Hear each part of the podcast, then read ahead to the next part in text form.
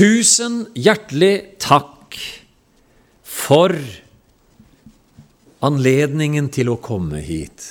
Det var veldig hyggelig. Og tusen takk for velkomsthilsen. Takk for sist, for dere som jeg har vært sammen med før. Og, eh, og jeg kan jo skyte av, som vi sier. Skyte, det vet dere hva er vel? Vet dere hva det betyr? Å skyte, ja. Å gjøre det, ja. Jeg, jeg holder meg til min dialekt, vet du. For det er jo Ja. At jeg har vært her før. Det var det jeg ville si. Og da mener jeg at det var i 1970. Og da var vi i det gamle lokalet. Vi var enige om det. Men det var strålende å komme hit igjen. Vi har hatt en påskefeiring, forstår du. Solbjørg har lagt opp et program hvor vi har gjort tre ting. Vi har hatt møter, vi har spist, og vi har sovet. Og nå er vi her. Og jeg skal hjem i morgen. Så vi får puste ut når vi er ferdig med påska. Ja, det har vært strålende. Tusen takk, kjære dere som har lagt opp for meg. Og, eh, og jeg gleder meg til i kveld. Vil du ha sang? Ja. Flere? Ja, men altså Takk og takk for det. Du oppmuntrer meg jo. Nå skal vi se. Ok. Jeg får begynne med gitar, så får jeg se åssen det går.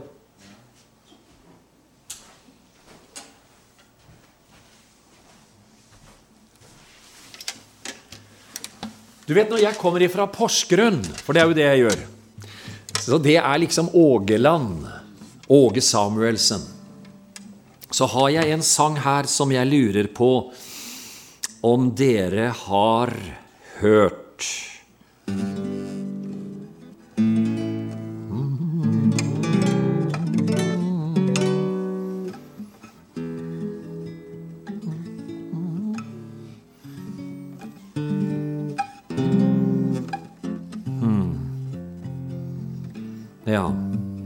Vet ikke hvilken Vi prøver der, vi.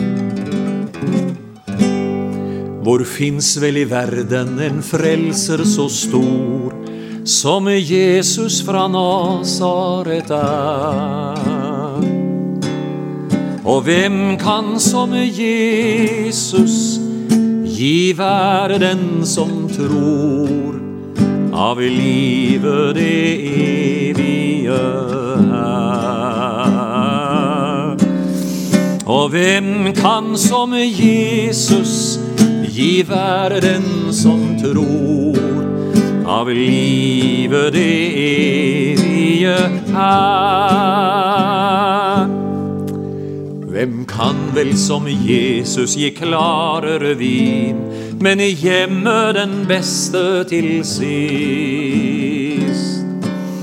I kjødhjerter nye, det perler så fint. Det gamle, det tager han ut. I kjødhjerter nye, det perler så fint. Det gamle, det tager han ut. Hvem kan vel som Jesus gi blindfødte syn, så frelsens vidunder de ser? Hvem kan vel som Jesus tilgive en synd, og siden ei huske den mer?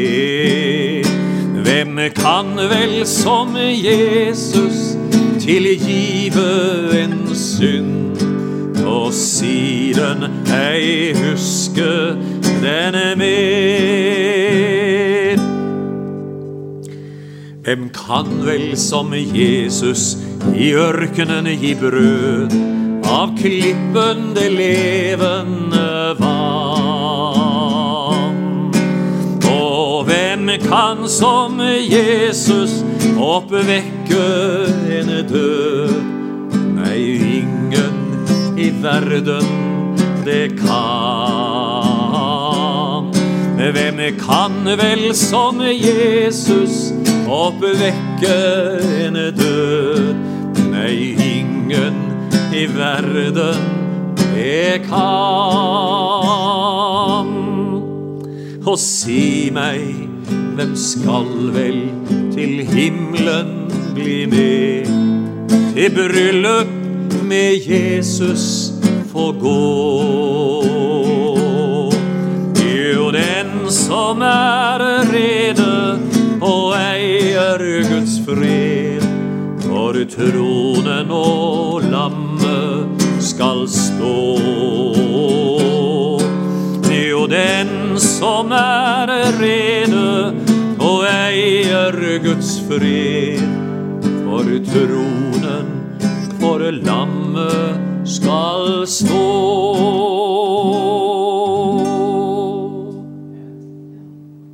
ikke det er vakkert sagt? Jeg syns det vakreste setningen i den sangen er dette Hvem kan vel som Jesus tilgive en synd og siden ei huske den mer? Og nei, ingen i verden det kan. Det er evangeliets nåde, det. Ja Skal vi se Jeg kan bruke piano også, kanskje, en gang. Var det ikke her han var? Nei,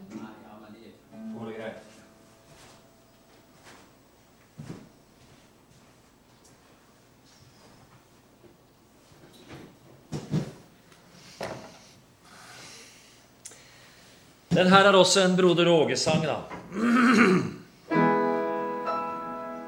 Jeg har møtt Jesus Krist, mannen fra Galilei. Jeg har sett hans guddommelige mann. Mine øyne han åpnet så jeg kunne se. Det var sant, hvert et ord han har sagt. Han har sonet min synd. Han tok straffen på seg for at jeg skulle leve med ham. Aldri fatte jeg kan hva han gjorde for meg, men jeg vet jeg har fred i Guds land. Jeg har sett han på vandring fra sted og til sted. Sett han lindre all sorg og all nød. Der han leger de syke, gir sjelene fred, og i ørkenen gir hungrige brød. Vil dere være med å synge på koret, så gjør det. Han har sonet min synd. Han tok straffen på seg for at jeg skulle leve med ham. Aldri fatte jeg kan hva han gjorde for meg. Men jeg vet jeg har fred i Guds land. Som en røver de spikret han opp på et tre, men i døden han seier vann. I Guds kraft han oppstod, mannen fra Galilei. Morgenstjernen i hjertet opprann. Han har sonet min synd. Han tok straffen på seg for at jeg skulle leve med ham. Aldri fatte jeg kan hva han gjorde for meg. Men jeg vet jeg har fred i Guds land.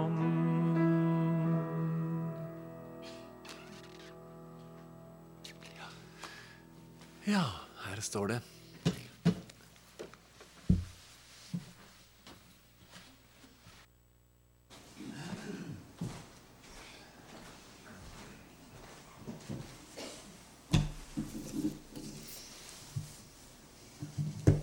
Ja Ja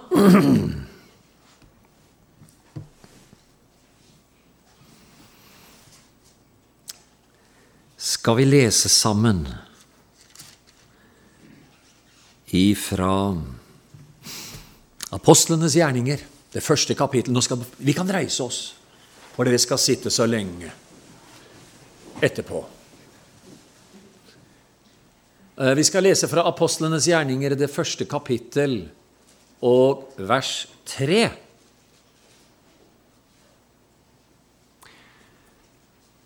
Etter Unnskyld. Etter å ha lidd døden sto han levende fram for dem med mange klare bevis på at han levde. I 40 dager viste han seg for dem og talte om det som hører Guds rike til.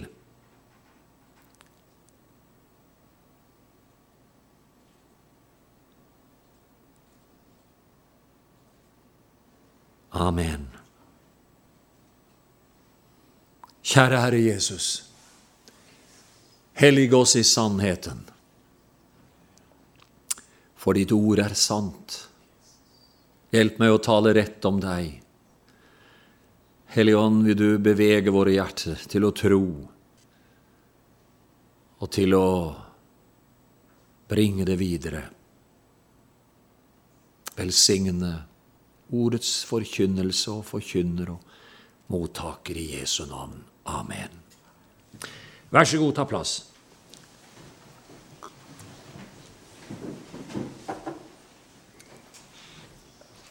Jeg har vært så begeistret for dette tredje verset. Her, her blir et uttrykk brukt som som jeg er begeistret for.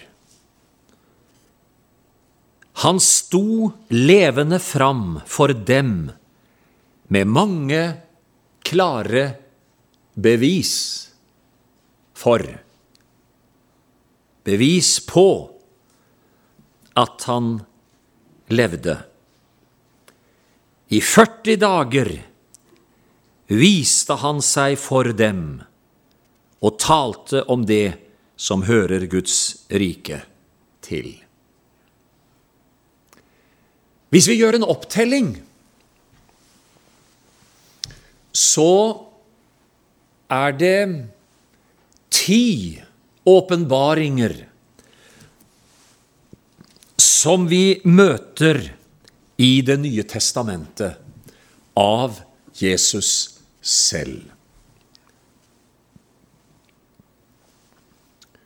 Det første, det er jo det vakre beskrivelsen som Johannes gir, hvor Maria er kommet tilbake igjen etter å ha varslet Peter og Johannes om det hun trodde var sant, at de har tatt Herren ut av graven, og vi vet ikke hvor de har lagt ham. Og Peter og Johannes løper til graven. Og når de kommer til graven, så venter Johannes fordi han hadde løpt raskest, det husker dere. Og når Peter kommer, så løper de inn i graven. Og da finner de ut at her er det nok ikke noe likerøveri som har funnet sted. Fordi de ser at der hvor Jesus hadde ligget, der lå linklærne som han hadde hatt på seg. Det som var sauset inn i 37 kilo med aloesalve. Og skulle det ha vært noe likrøveri, så hadde de iallfall ikke tatt av all denne elendigheten som var rundt der, for å forhale forråtnelsen og for å forhindre lukten. Og det som hadde vært på hodet, det lå på et sted for seg selv.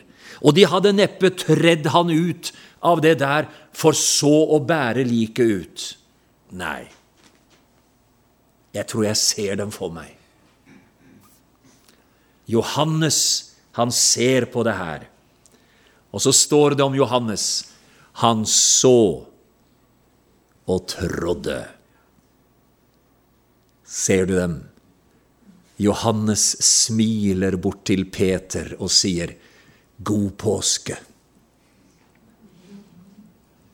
Men Peter står der, og han klarer ikke å si halleluja, fordi han har gått på en smell som han ikke helt har kommet over. Han har jo gjort det dere vet så godt, så jeg behøver ikke å benevne det engang, for alle vet jo det. Men det står 'han så og undret seg' så går han, eller går de to, fra graven. Og i mellomtiden så har Maria kommet tilbake igjen til graven. Fordi hun hadde jo vært med de andre også da de kom i morgengry. Og hun går og bøyer seg og ser inn i graven, og der ser hun engler. Og så hører hun det går i grusgangen bak seg. Så tror hun det er gartneren, og så sier hun, Har du tatt ham, så vis meg hvor du har lagt ham, så vil jeg ta ham. Og så sier Jesus til henne, Maria. Eller Maria. Eller hvordan sa han det? Han sa det iallfall på en slik måte at hun gjenkjente det. Og det skapte en salighet i hennes hjerte, lik den som han hadde sagt da han kalte henne ved navn oppe i Galilea, fridd henne ifra mørket og djevelskapen som hadde ødelagt hennes liv, og han hadde skapt lys og varme i hennes hjerte, og livet var verdt å leve igjen fordi Jesus hadde frelst henne. Halleluja. Og nå var alt over. Så hun blir jo så fortvilet. Men nå hører hun den gode stemmen, og hun faller ned for Jesu føtter og roper 'Rabuni'. Og så omfavner hun hans føtter. Skjer det noe som kanskje ikke er så Ja, hva skal vi si? Jesus sier, 'Rør ikke ved meg, Maria.' For jeg er ennå ikke faret opp til Faderen, men gå til mine disipler og si til dem, jeg går av sted. Jeg går farer opp til Faderen for å være eh, til deres far og min far, til min Gud og deres Gud. Og så får du si det til dem at de får gå til Galilea, for der skal dere se meg. Hvorfor fikk hun ikke lov til å omfavne hans føtter? Har du tenkt på det? Nei, ikke si noe. Jeg har lest mange fortolkninger, og det kan hende du har din også, så du behøver ikke å tenke sånn som jeg tanker, da. Men jeg har lurt på om det er noe i det som en prest sa, eller skrev, som heter Skovgård Pedersen. Han skrev at det kan hende årsaken til dette var at, at hennes omfavnelse var uttrykk for en misforståelse. For like efterpå så møter Jesus de andre kvinnene, og da omfavner de hans føtter, og alt er halleluja. Kanskje det er uttrykk for en misforståelse. Kanskje Maria ved å omfavne ham vil si, 'Å, Jesus, nå, nå skal det bli som før igjen.' Og det ville jo vært herlig. Men du skjønner, det skulle bli mye herligere. Jeg skal fare opp til min far og deres far til min Gud og deres Gud, og derfra ham skal jeg motta ånden som jeg skal øse ut over dere, så fellesskapet og, opple og, og nærværet av meg skal bli mye herligere enn det det var når du vandret sammen med meg. Kan det være noe i det? Ja, du kan få det gratis av meg. Så får du se om du syns det er greit så skilles de fra hverandre. Det er det første velsignede møtet med den oppstandende. Hun møter Jesus utenfor graven. Halleluja, halleluja. Og så er det ikke lenge før at de andre kvinnene som er på vei bort fra graven, står det, at Jesus møter dem i motsatt retning, altså. Og de faller ned for ham. De blir fulle av både skrekk og frykt og glede og fryder seg over ham og omfavner ham. Og Jesus gir dem den samme ordren. Galilea, gå og si til mine disipler at de skal gå til Galilea. Nå var det kvinnene. Det første møtet med den oppstandende det var en kvinne, Maria Magdalena. Den andre var, en, var kvinnene som var på vei bort ifra graven. Den tredje som får møte den Herre Jesus Kristus etter oppstandelsen, det er Peter eller Kefas. Omtalt bare to steder i Det nye testamentet, nemlig av apostelen Paulus. I Korinterbrevet. Han ble sett av Kefas. Og så i Lukas evangelium, når Emmausvandrerne kommer tilbake igjen med gledesbudet om at han er oppstått, vi har møtt han, så får de ikke avlagt sitt vitnesbyrd før de andre disiplene sier han er oppstått, og han er sett av Simon. Det møtet har vi ingen referater ifra. Og det er kanskje greit, det. Det var det på lønnkammeret der Jesus møter Peter, og vi vet ikke hva de snakket om engang. Men det er jo slike møter du og jeg også kan få med Frelseren, hvor ikke akkurat at vi behøver å referere noe som helst, men det var iallfall en velsignet personlig erfaring av den oppstandende.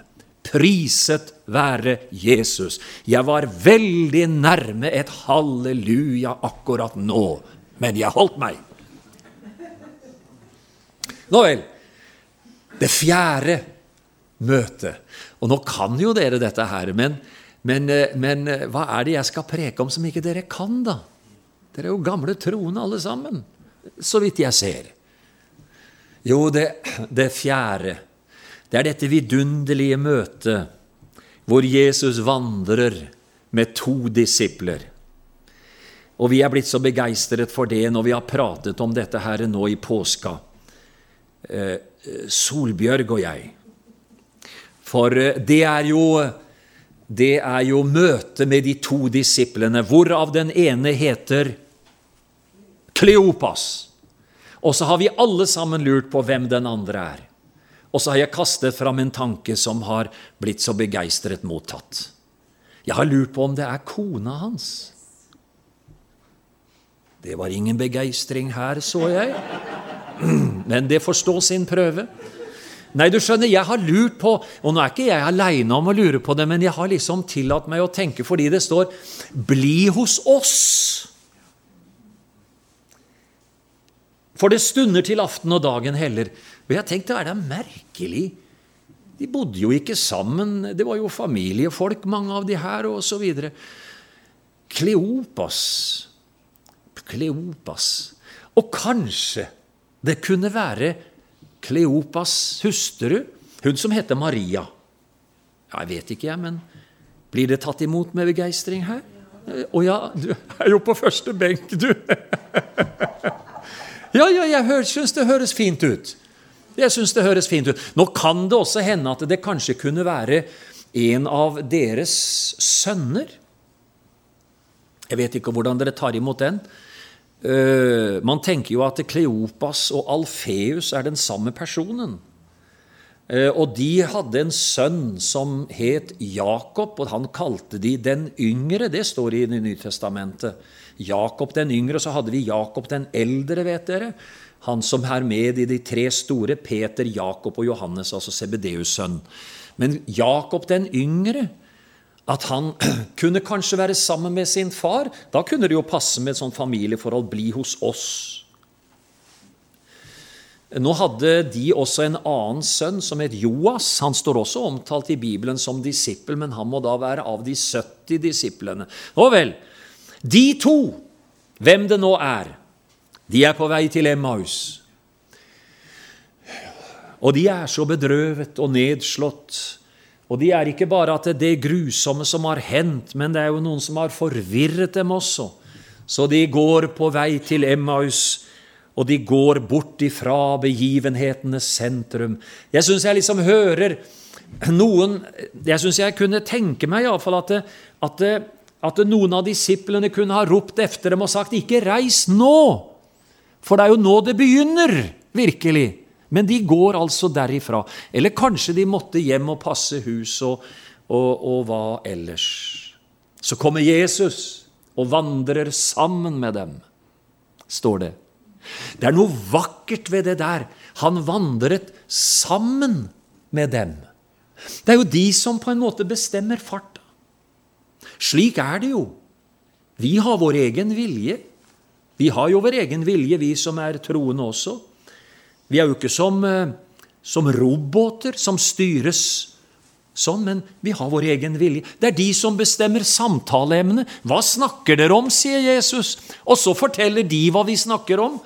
Hvor skal de hen? Ja, Det bestemmer de også, for de skal til Emmaus. I det hele tatt, du og jeg, vi har vår vilje.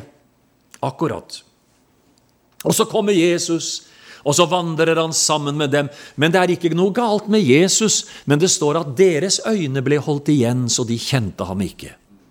Og så kunne Jesus selvfølgelig ha sagt, når de hadde fortalt om all elendigheten de hadde opplevd, så kunne Jesus ha sagt det er meg.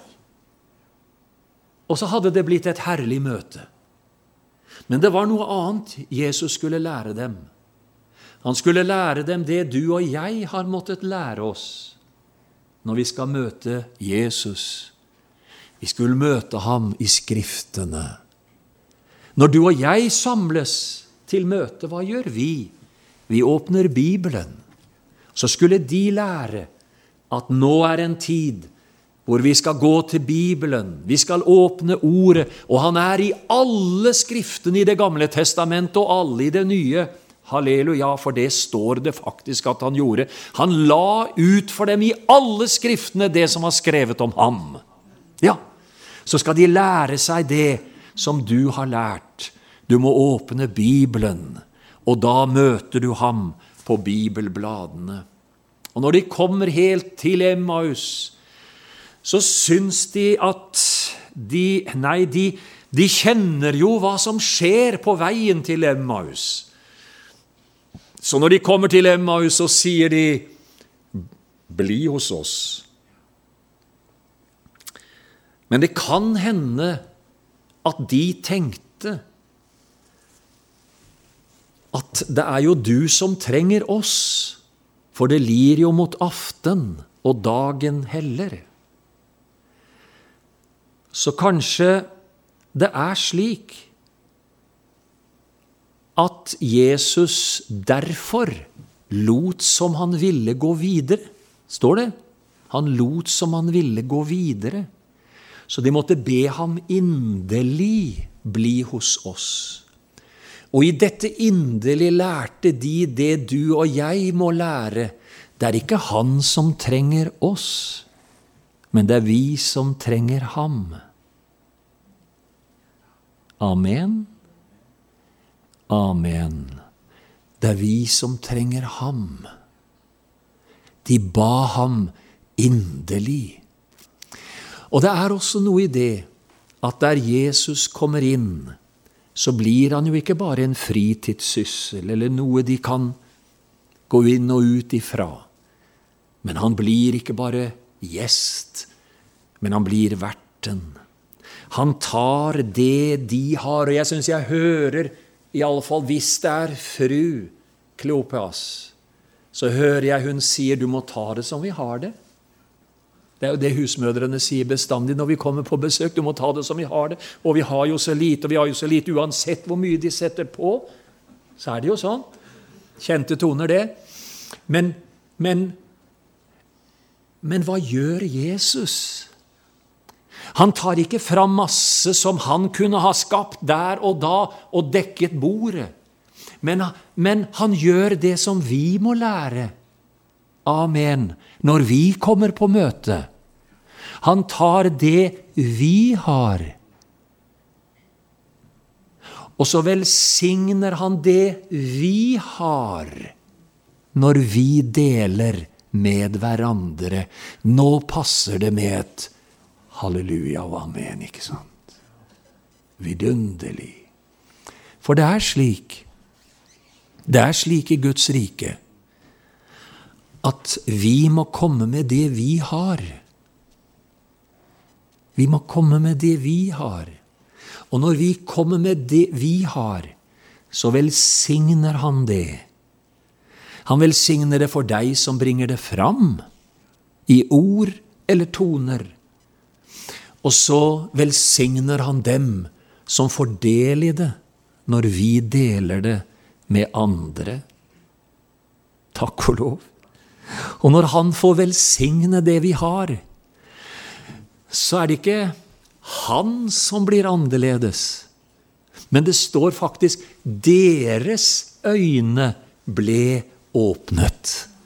Ja, det skjer noe med oss.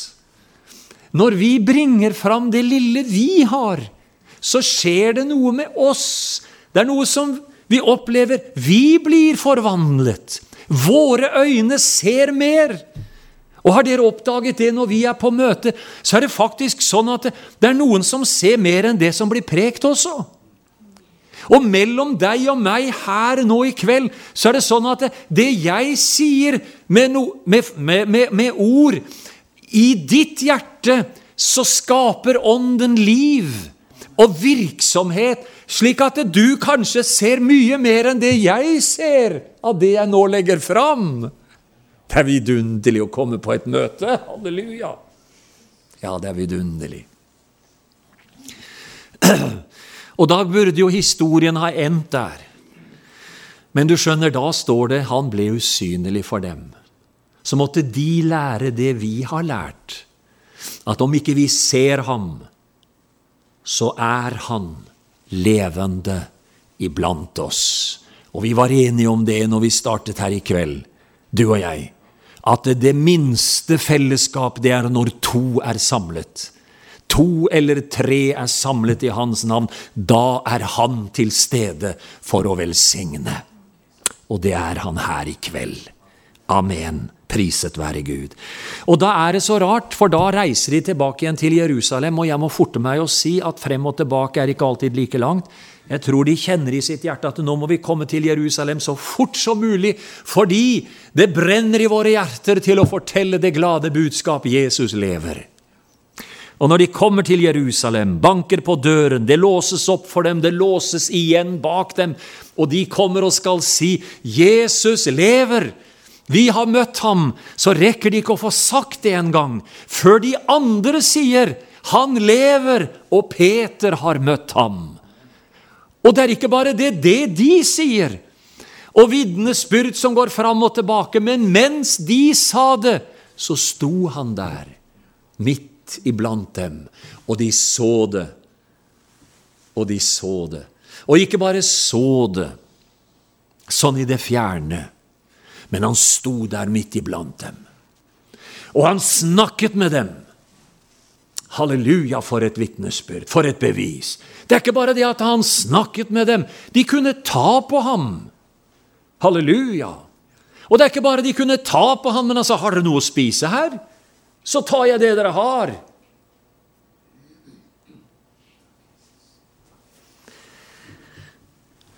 Og så ikke bare det, men han åndet på dem. Dag, det er jo kalt for den lille pinsedag. Han åndet på dem, og han sa til dem, pust inn når jeg puster ut. Og han sa, ta imot Den hellige ånd. Og det er det som Jesus ønsker å gi oss alle sammen. Og det har han gjort, og det vil han gjøre mer og mer. For du skjønner, selv om Ånden er en iboende herlighet i våre hjerter, så kan vi oppleve mer av Ånden. Priset være Gud for det. Og da er vi inne på den femte åpenbaringen av Jesus, bare første, første påskedag. Da disiplene var samlet den kvelden, så var de jo bare ti stykker av disiplene. Nå hender det det blir omtalt Han åpenbarte seg for de tolv, men de tolv er et begrep, så du skal ikke la deg anfekte av det. Men nå var de altså bare ti. Judas var jo borte. Og eh, så var det jo det, da, at Thomas var ikke til stede første påskedagskveld. Og nå er Thomas en underlig person som er både til glede og sorg, på en måte. De var jo veldig lei seg for at han ikke var der. Så når de fortalte at Jesus lever, og eh, han, vi har sett ham, vi har møtt ham, så er han i alle fall så ærlig at han sier, om ikke jeg får stikke fingrene i hans side og i hans sårmerker i hendene, så vil jeg ikke tro. Han måtte vite det, han måtte måtte erfare det selv. Han skulle være et sannhetsvitne og et øyenvitne om hans storhet, om Jesus som lever, så han måtte oppleve det selv. Så det skal vi være glad for. Så når de samles igjen, som de brukte å gjøre, for de feiret jo denne dagen her, ser det ut til. Nå møtes de sikkert hver eneste dag for den del, men i alle fall neste søndag så var de samlet igjen, og da var Thomas med dem. Og så er det så underlig Da viser det seg at Jesus hadde vært til stede der Thomas sa det han sa, fordi han hørte det Thomas hadde sagt. Og når han da åpenbarer seg, så sier han til Thomas, kom med hånden din, kom med fingeren din, stikk den i min side. Og da faller han på kne og sier, min Herre og min Gud. Han bekjenner Jesus som den Jesus er, min Herre og min Gud. Og så lærer Jesus oss dette. Nå tror du fordi du har sett. Salig er de som ikke ser, men dog tror. Hva betyr det? Jo, det betyr at salig er de som ikke har vært øyenvitner, men som har tatt imot vitnenes eh, vitnesbyrd. Sånn som du og jeg. Vi har tatt imot deres vitnesbyrd, og vi tror det. Halleluja. For det er overbevisning i det. Det er dette som har skjedd. Jesus sto opp igjen. Så må jeg forte meg å si, da, dere, at um, de drar til Galilea, og der i Galilea så er de nede ved Genesaretsjøen en natt. Og det er jo mange som tror at det møtet med Jesus det forårsaker at Johannes skriver et kapittel til i Johannes evangeliet. Han legger til det 21. kapittel, for det ser ut noen hevder da det ser ut som han avslutter i det 20. kapittel eh, med noen gode ord til slutt, eh, men så kommer han med det 21. kapittel. Og det er, er møtet med Jesus og disiplene ved Genesaretsjøen. De er ute for å fiske. Nå tror ikke jeg det var noen fisketur som man drar på for en avkobling. Men jeg tror det var kanskje nødvendig for disiplene der oppe å sørge for mat til kone og barn og ellers familie og de som trenger det. Det var nødvendig å få tak i noen inntekter. Og så er de ute den natten og fisker, og den natten får de ingenting.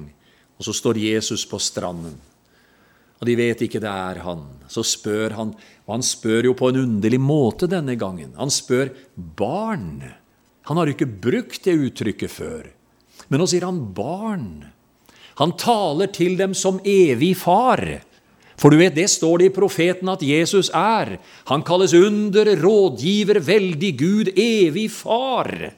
Nå taler han til dem som far. Barn, dere har vel ikke noe fisk? Og da er det jo bare å si det som det er.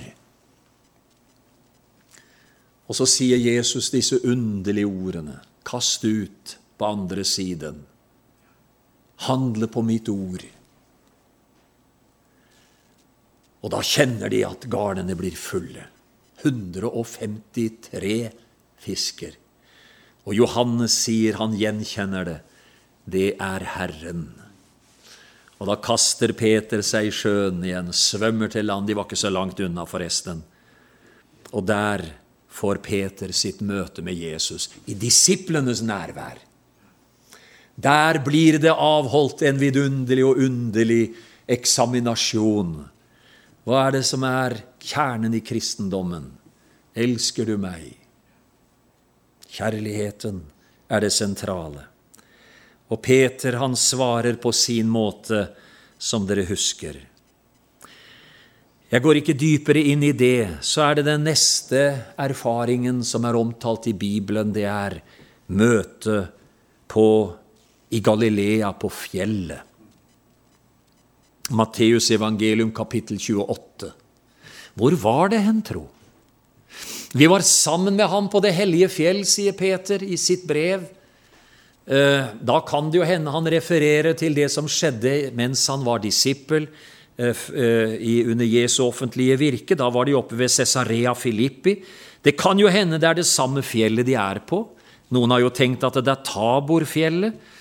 Men Johannes sier vel at det er et høyt fjell.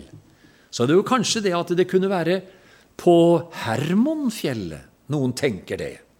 Og det behøver ikke vi å bli uenige om, vi vet ikke riktig hvor det er. Men det var altså på et høyt fjell. På det høye fjellet, der møter de Jesus. Han har satt dem stevne, står det. Han har satt dem stevne. Jeg vet ikke når de kommer. Når de kommer opp dit, tror dere at Jesus står der og venter på dem? Eller ellers tror dere det at de kommer opp til det stedet, og så står de der og ser på hverandre og tenker Nei, er han Hvor er han? Og så så er han der. Det er et vakkert uttrykk som er nevnt. Jesus trådte frem. ikke det et vakkert uttrykk? Det er som en majestet trer frem. En majestet trer frem. Han eh, Han trer frem for dem. Han står der som sann Gud og sant menneske. Spørsmålet er hvordan reagerer de? De reagerer på tre måter. Hvis du ser at For det første så står det De falt ned for ham. Har dere tenkt på hvorfor falt de ned? Tror dere at han eh, Tror dere at det var sånn at de ikke klarte å stå? Det kan jo hende. Og av den grunn falt ned. Eller tror dere kanskje det var sånn at når han står der i sin majestet, så kjenner de her, her må vi knele. Jeg er veldig fascinert av den tanken. Vi må på kne. For han, så, han blir så stor. Det er best å komme på kne. De falt ned for ham. Ja, du kan tenke hva du vil, men den tanken tenkte jeg. De falt ned for ham. De eh, kjente ydmykhet innenfor det evige, det guddommelige, For evangeliet og for ham selv kjenner de ydmykhet, og det er hva alle mennesker bør gjøre i møte med Jesus. Kjenne på ydmykhet. La oss ydmyke oss for Gud. Det er hva alle mennesker bør gjøre. Det andre det står, det er at eh, de tilba ham. Et vakkert ord. Et vakkert ord. Gud diskuterer man ikke, var det en som sa. Gud tilber man. Det er noen kjekkaser som ikke gjør det, da. De, de diskuterer Gud som det skulle være på å si en nabo, eller hva som helst annet. Men det er Gud man snakker om. Det burde prege alle mennesker. De tilba ham. Det er verd å gjøre overfor ham. De tilba ham. De var ikke så opptatt av egne bønnebehov heller, men når de var i hans nærhet, så ga de ham ære og tilbedelse. Det tredje som jo egentlig også er forunderlig. Det står 'noen tvilte'. Ja, hva tvilte de på? Kan det være at de, de kjente på Er dette virkelig? Eller, eller, drømmer jeg? Har du vært der? Du vet, Vi har hatt den tanken hvor noen ganger hvor vi sier 'Jeg må klype meg i armen'. Jeg tror det kanskje kan være den type av tvil og da er det mer tvil på seg sjøl enn på ham. Ja, De kjente er dette, er dette virkelig? De må kjenne at de tar seg sammen. De må ta seg i armen. De tvilte. Det er i grunnen noe underlig med evangeliene. Det er så ærlig, og det er så sant tvers igjennom. Det er ikke behov for å pynte på sannheten. Den er der. Amen. Amen, halleluja, amen. Noen tvilte. Men har du tenkt på det, da? Selv om de ikke var fullkomne, så kunne de tilbe. Kunne jeg få sagt det til deg også? Selv om ikke du syns du er perfekt som kristen, selv om du syns du har ditt, så kan du likevel være med og tilbe. Du skal ikke krype inn i et hjørne og tenke som så, la de andre gjøre det, for de er kommet lenger enn meg. Du må tilbe ham. Eller du også må tilbe ham, selv om din tro ikke er fullkommen. Amen. Amen. Og han tar imot tilbedelsen fra oss, selv om vi ikke er fullkomne. Halleluja, halleluja. Hva er det nå han sier til dem? Det er én ting jeg har glemt, dere. Jeg har ikke sett på klokka da jeg begynte. Hvordan går det? Har jeg holdt på for lenge? Når begynte jeg? Nei, min er ti over åtte, den. Å oh, ja, det var jo fint! Ja. Ålreit. Ålreit. Da fortsetter vi. For jeg har bare litt, det har litt til på hjertet. Dere, det er det at eh, her oppe på fjellet så skjer det noe annet som er viktig.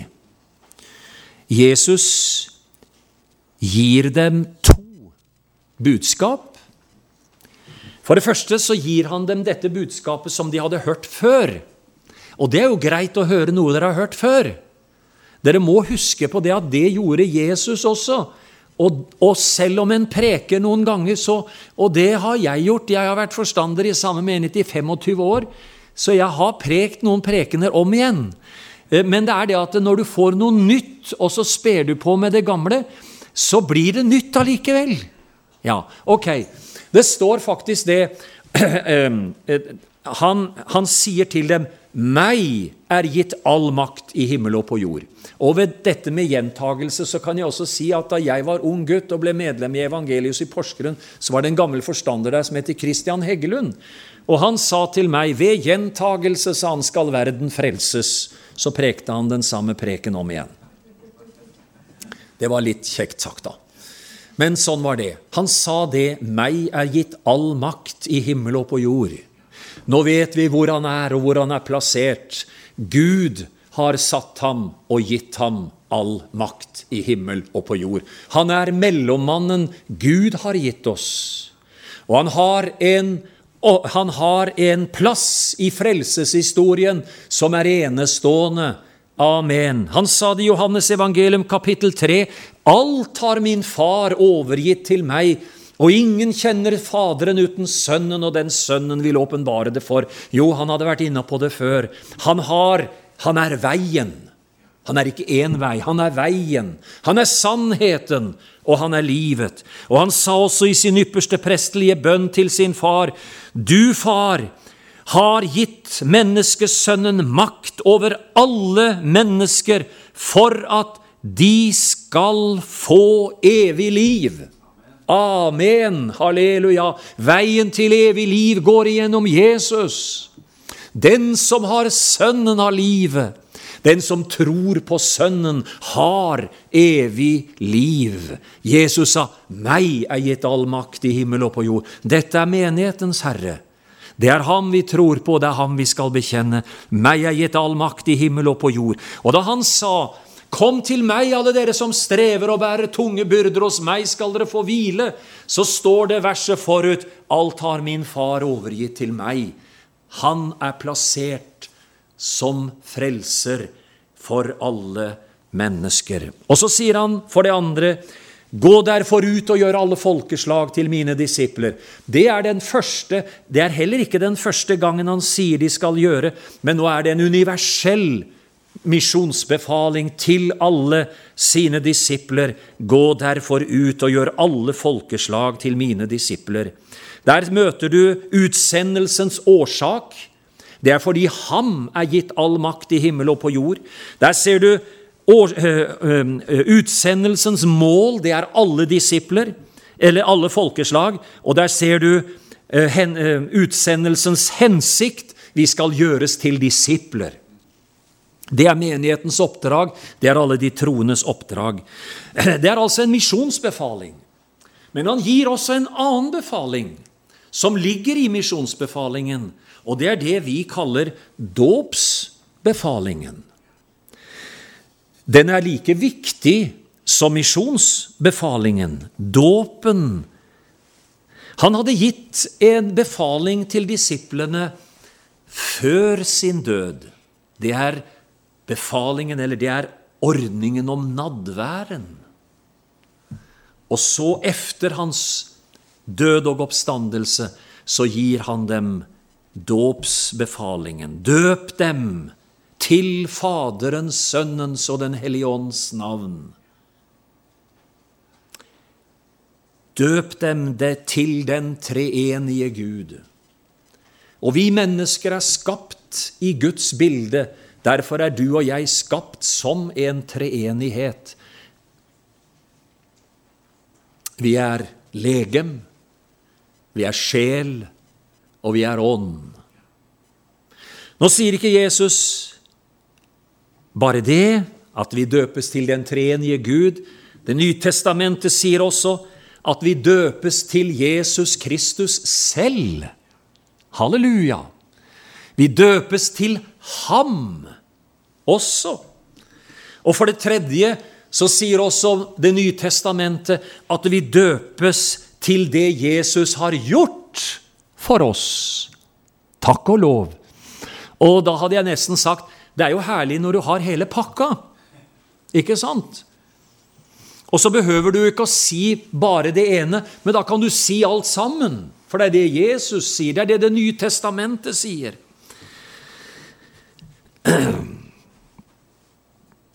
Ja, skulle jeg sagt noe om dåpen da, Øystein? Vi døpes til pakten. Amen. Vi døpes til pakten. Vi døpes til den nye pakt når vi døpes. Vi døpes til hans død. Vi døpes til Jesus. Vi døpes til Faderens, Sønnens og Den hellige ånds navn. Derfor blir dåpen tegnet på den pakten som heter den nye pakt. Det er fint. Ja, jeg står her, jeg, og jeg bærer et paktstegn med meg. Dere oppdaget det kanskje? Jeg har et paktstegn her, jeg, på hånda mi. For jeg har inngått en ekte pakt. Det er voldsomt lenge siden. Det var 1970, det også. Nei, det var 1971. 71. Og i denne pakten så, som jeg inngikk, så Det skjedde faktisk i, i Oslo. Og eh, hadde Berit vært her nå, så kunne jeg jo også vist henne at jeg husket når det skjedde. Eh, jeg har prøvd å huske det hvert år. Eh, jeg mener at det var 29. mai, og det var pinseaften. Eh, det hadde seg sånn at jeg satt og ventet lenge på henne da, fordi jeg var brudgom. Men hun kom til tida, og hun kom til meg. Og som brudgom så ble jeg først spurt Vil du ha? Vil du ha? Og jeg sa ja uten å vite hva hun ville svare når hun fikk spørsmålet. Nei, jeg visste jo det, da. Ikke sant? For 2000 år siden sa Jesus ja til alle mennesker på Golgata.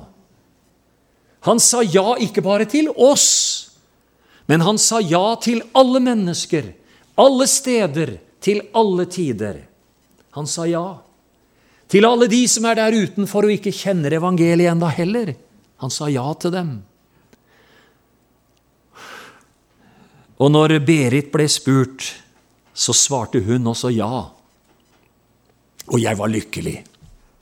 Selvfølgelig var jeg det. Når du sier ja til Jesus, så er du frelst. Er du ikke det? Jo da, den som tok imot ham, fikk retten til å bli Guds barn. Tok imot Jesus. Så sier eh, vigselmannen noe mer.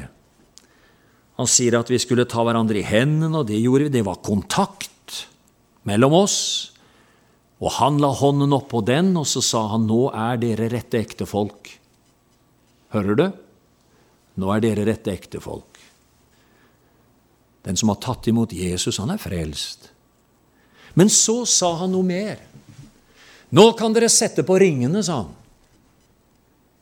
Og jeg tok fram ringene, for jeg var brudgom. Og på denne ringen som jeg har på meg, så står det noe. Og det har jeg båret med meg hele tiden siden. Der er det en forkynnelse. Den forkynnelsen går begge veier, egentlig. Det er en forkynnelse til meg, for der står det 'din Berit'. Visste du det? Det står 'din Berit'. Da peker det på meg. Men det er også en Det høres veldig dumt ut, men jeg bare sier det, for jeg tror det er en markering også av at jeg er opptatt. Slik bærer Berit på med seg en ring. Hun bærer paktstegnet med seg og på det paktstegnet står det 'Din Arne Øystein'. Slik døpes jeg til Kristus. Amen. Og jeg døpes til hans død. Og jeg reises eh, eh, Nå snakker jeg i presens her, men altså Jeg reises opp igjen. Ja, og da har jeg ikledd meg paktstegnet. Den som lar seg døpe, han tar på seg får med seg paktstegnet, den nye pakten, i Jesu blod som Jesus opprettet på Golgata. Ja. Å, halleluja. Hva er det Jesus sier mer? Jeg skulle kunne sagt mye mer om dåpen, men jeg føler at jeg har holdt på altfor lenge nå, og da blir det jo til at man aldri får komme igjen. Så det er galt i dette her, men jeg bare får lov å forte meg å si at Jesus kommer ikke bare med et løfte, men han kommer med en garanti. For han sier til disiplene, 'Jeg er med dere alle dager inn til verdens ende'. Det var en predikant som het Egil Strand. Han husker noen av dere hvem var. Han var redaktør i Korsets Seier. Han sa, 'Det er ikke bare et løfte', sa han. Det er en garanti. Han har sagt at han vil være med oss alle dager. Så må jeg forte meg å si, for nå skal jeg snart si ammen, da. Jeg må forte meg å si at de drar til Jerusalem igjen, disiplene.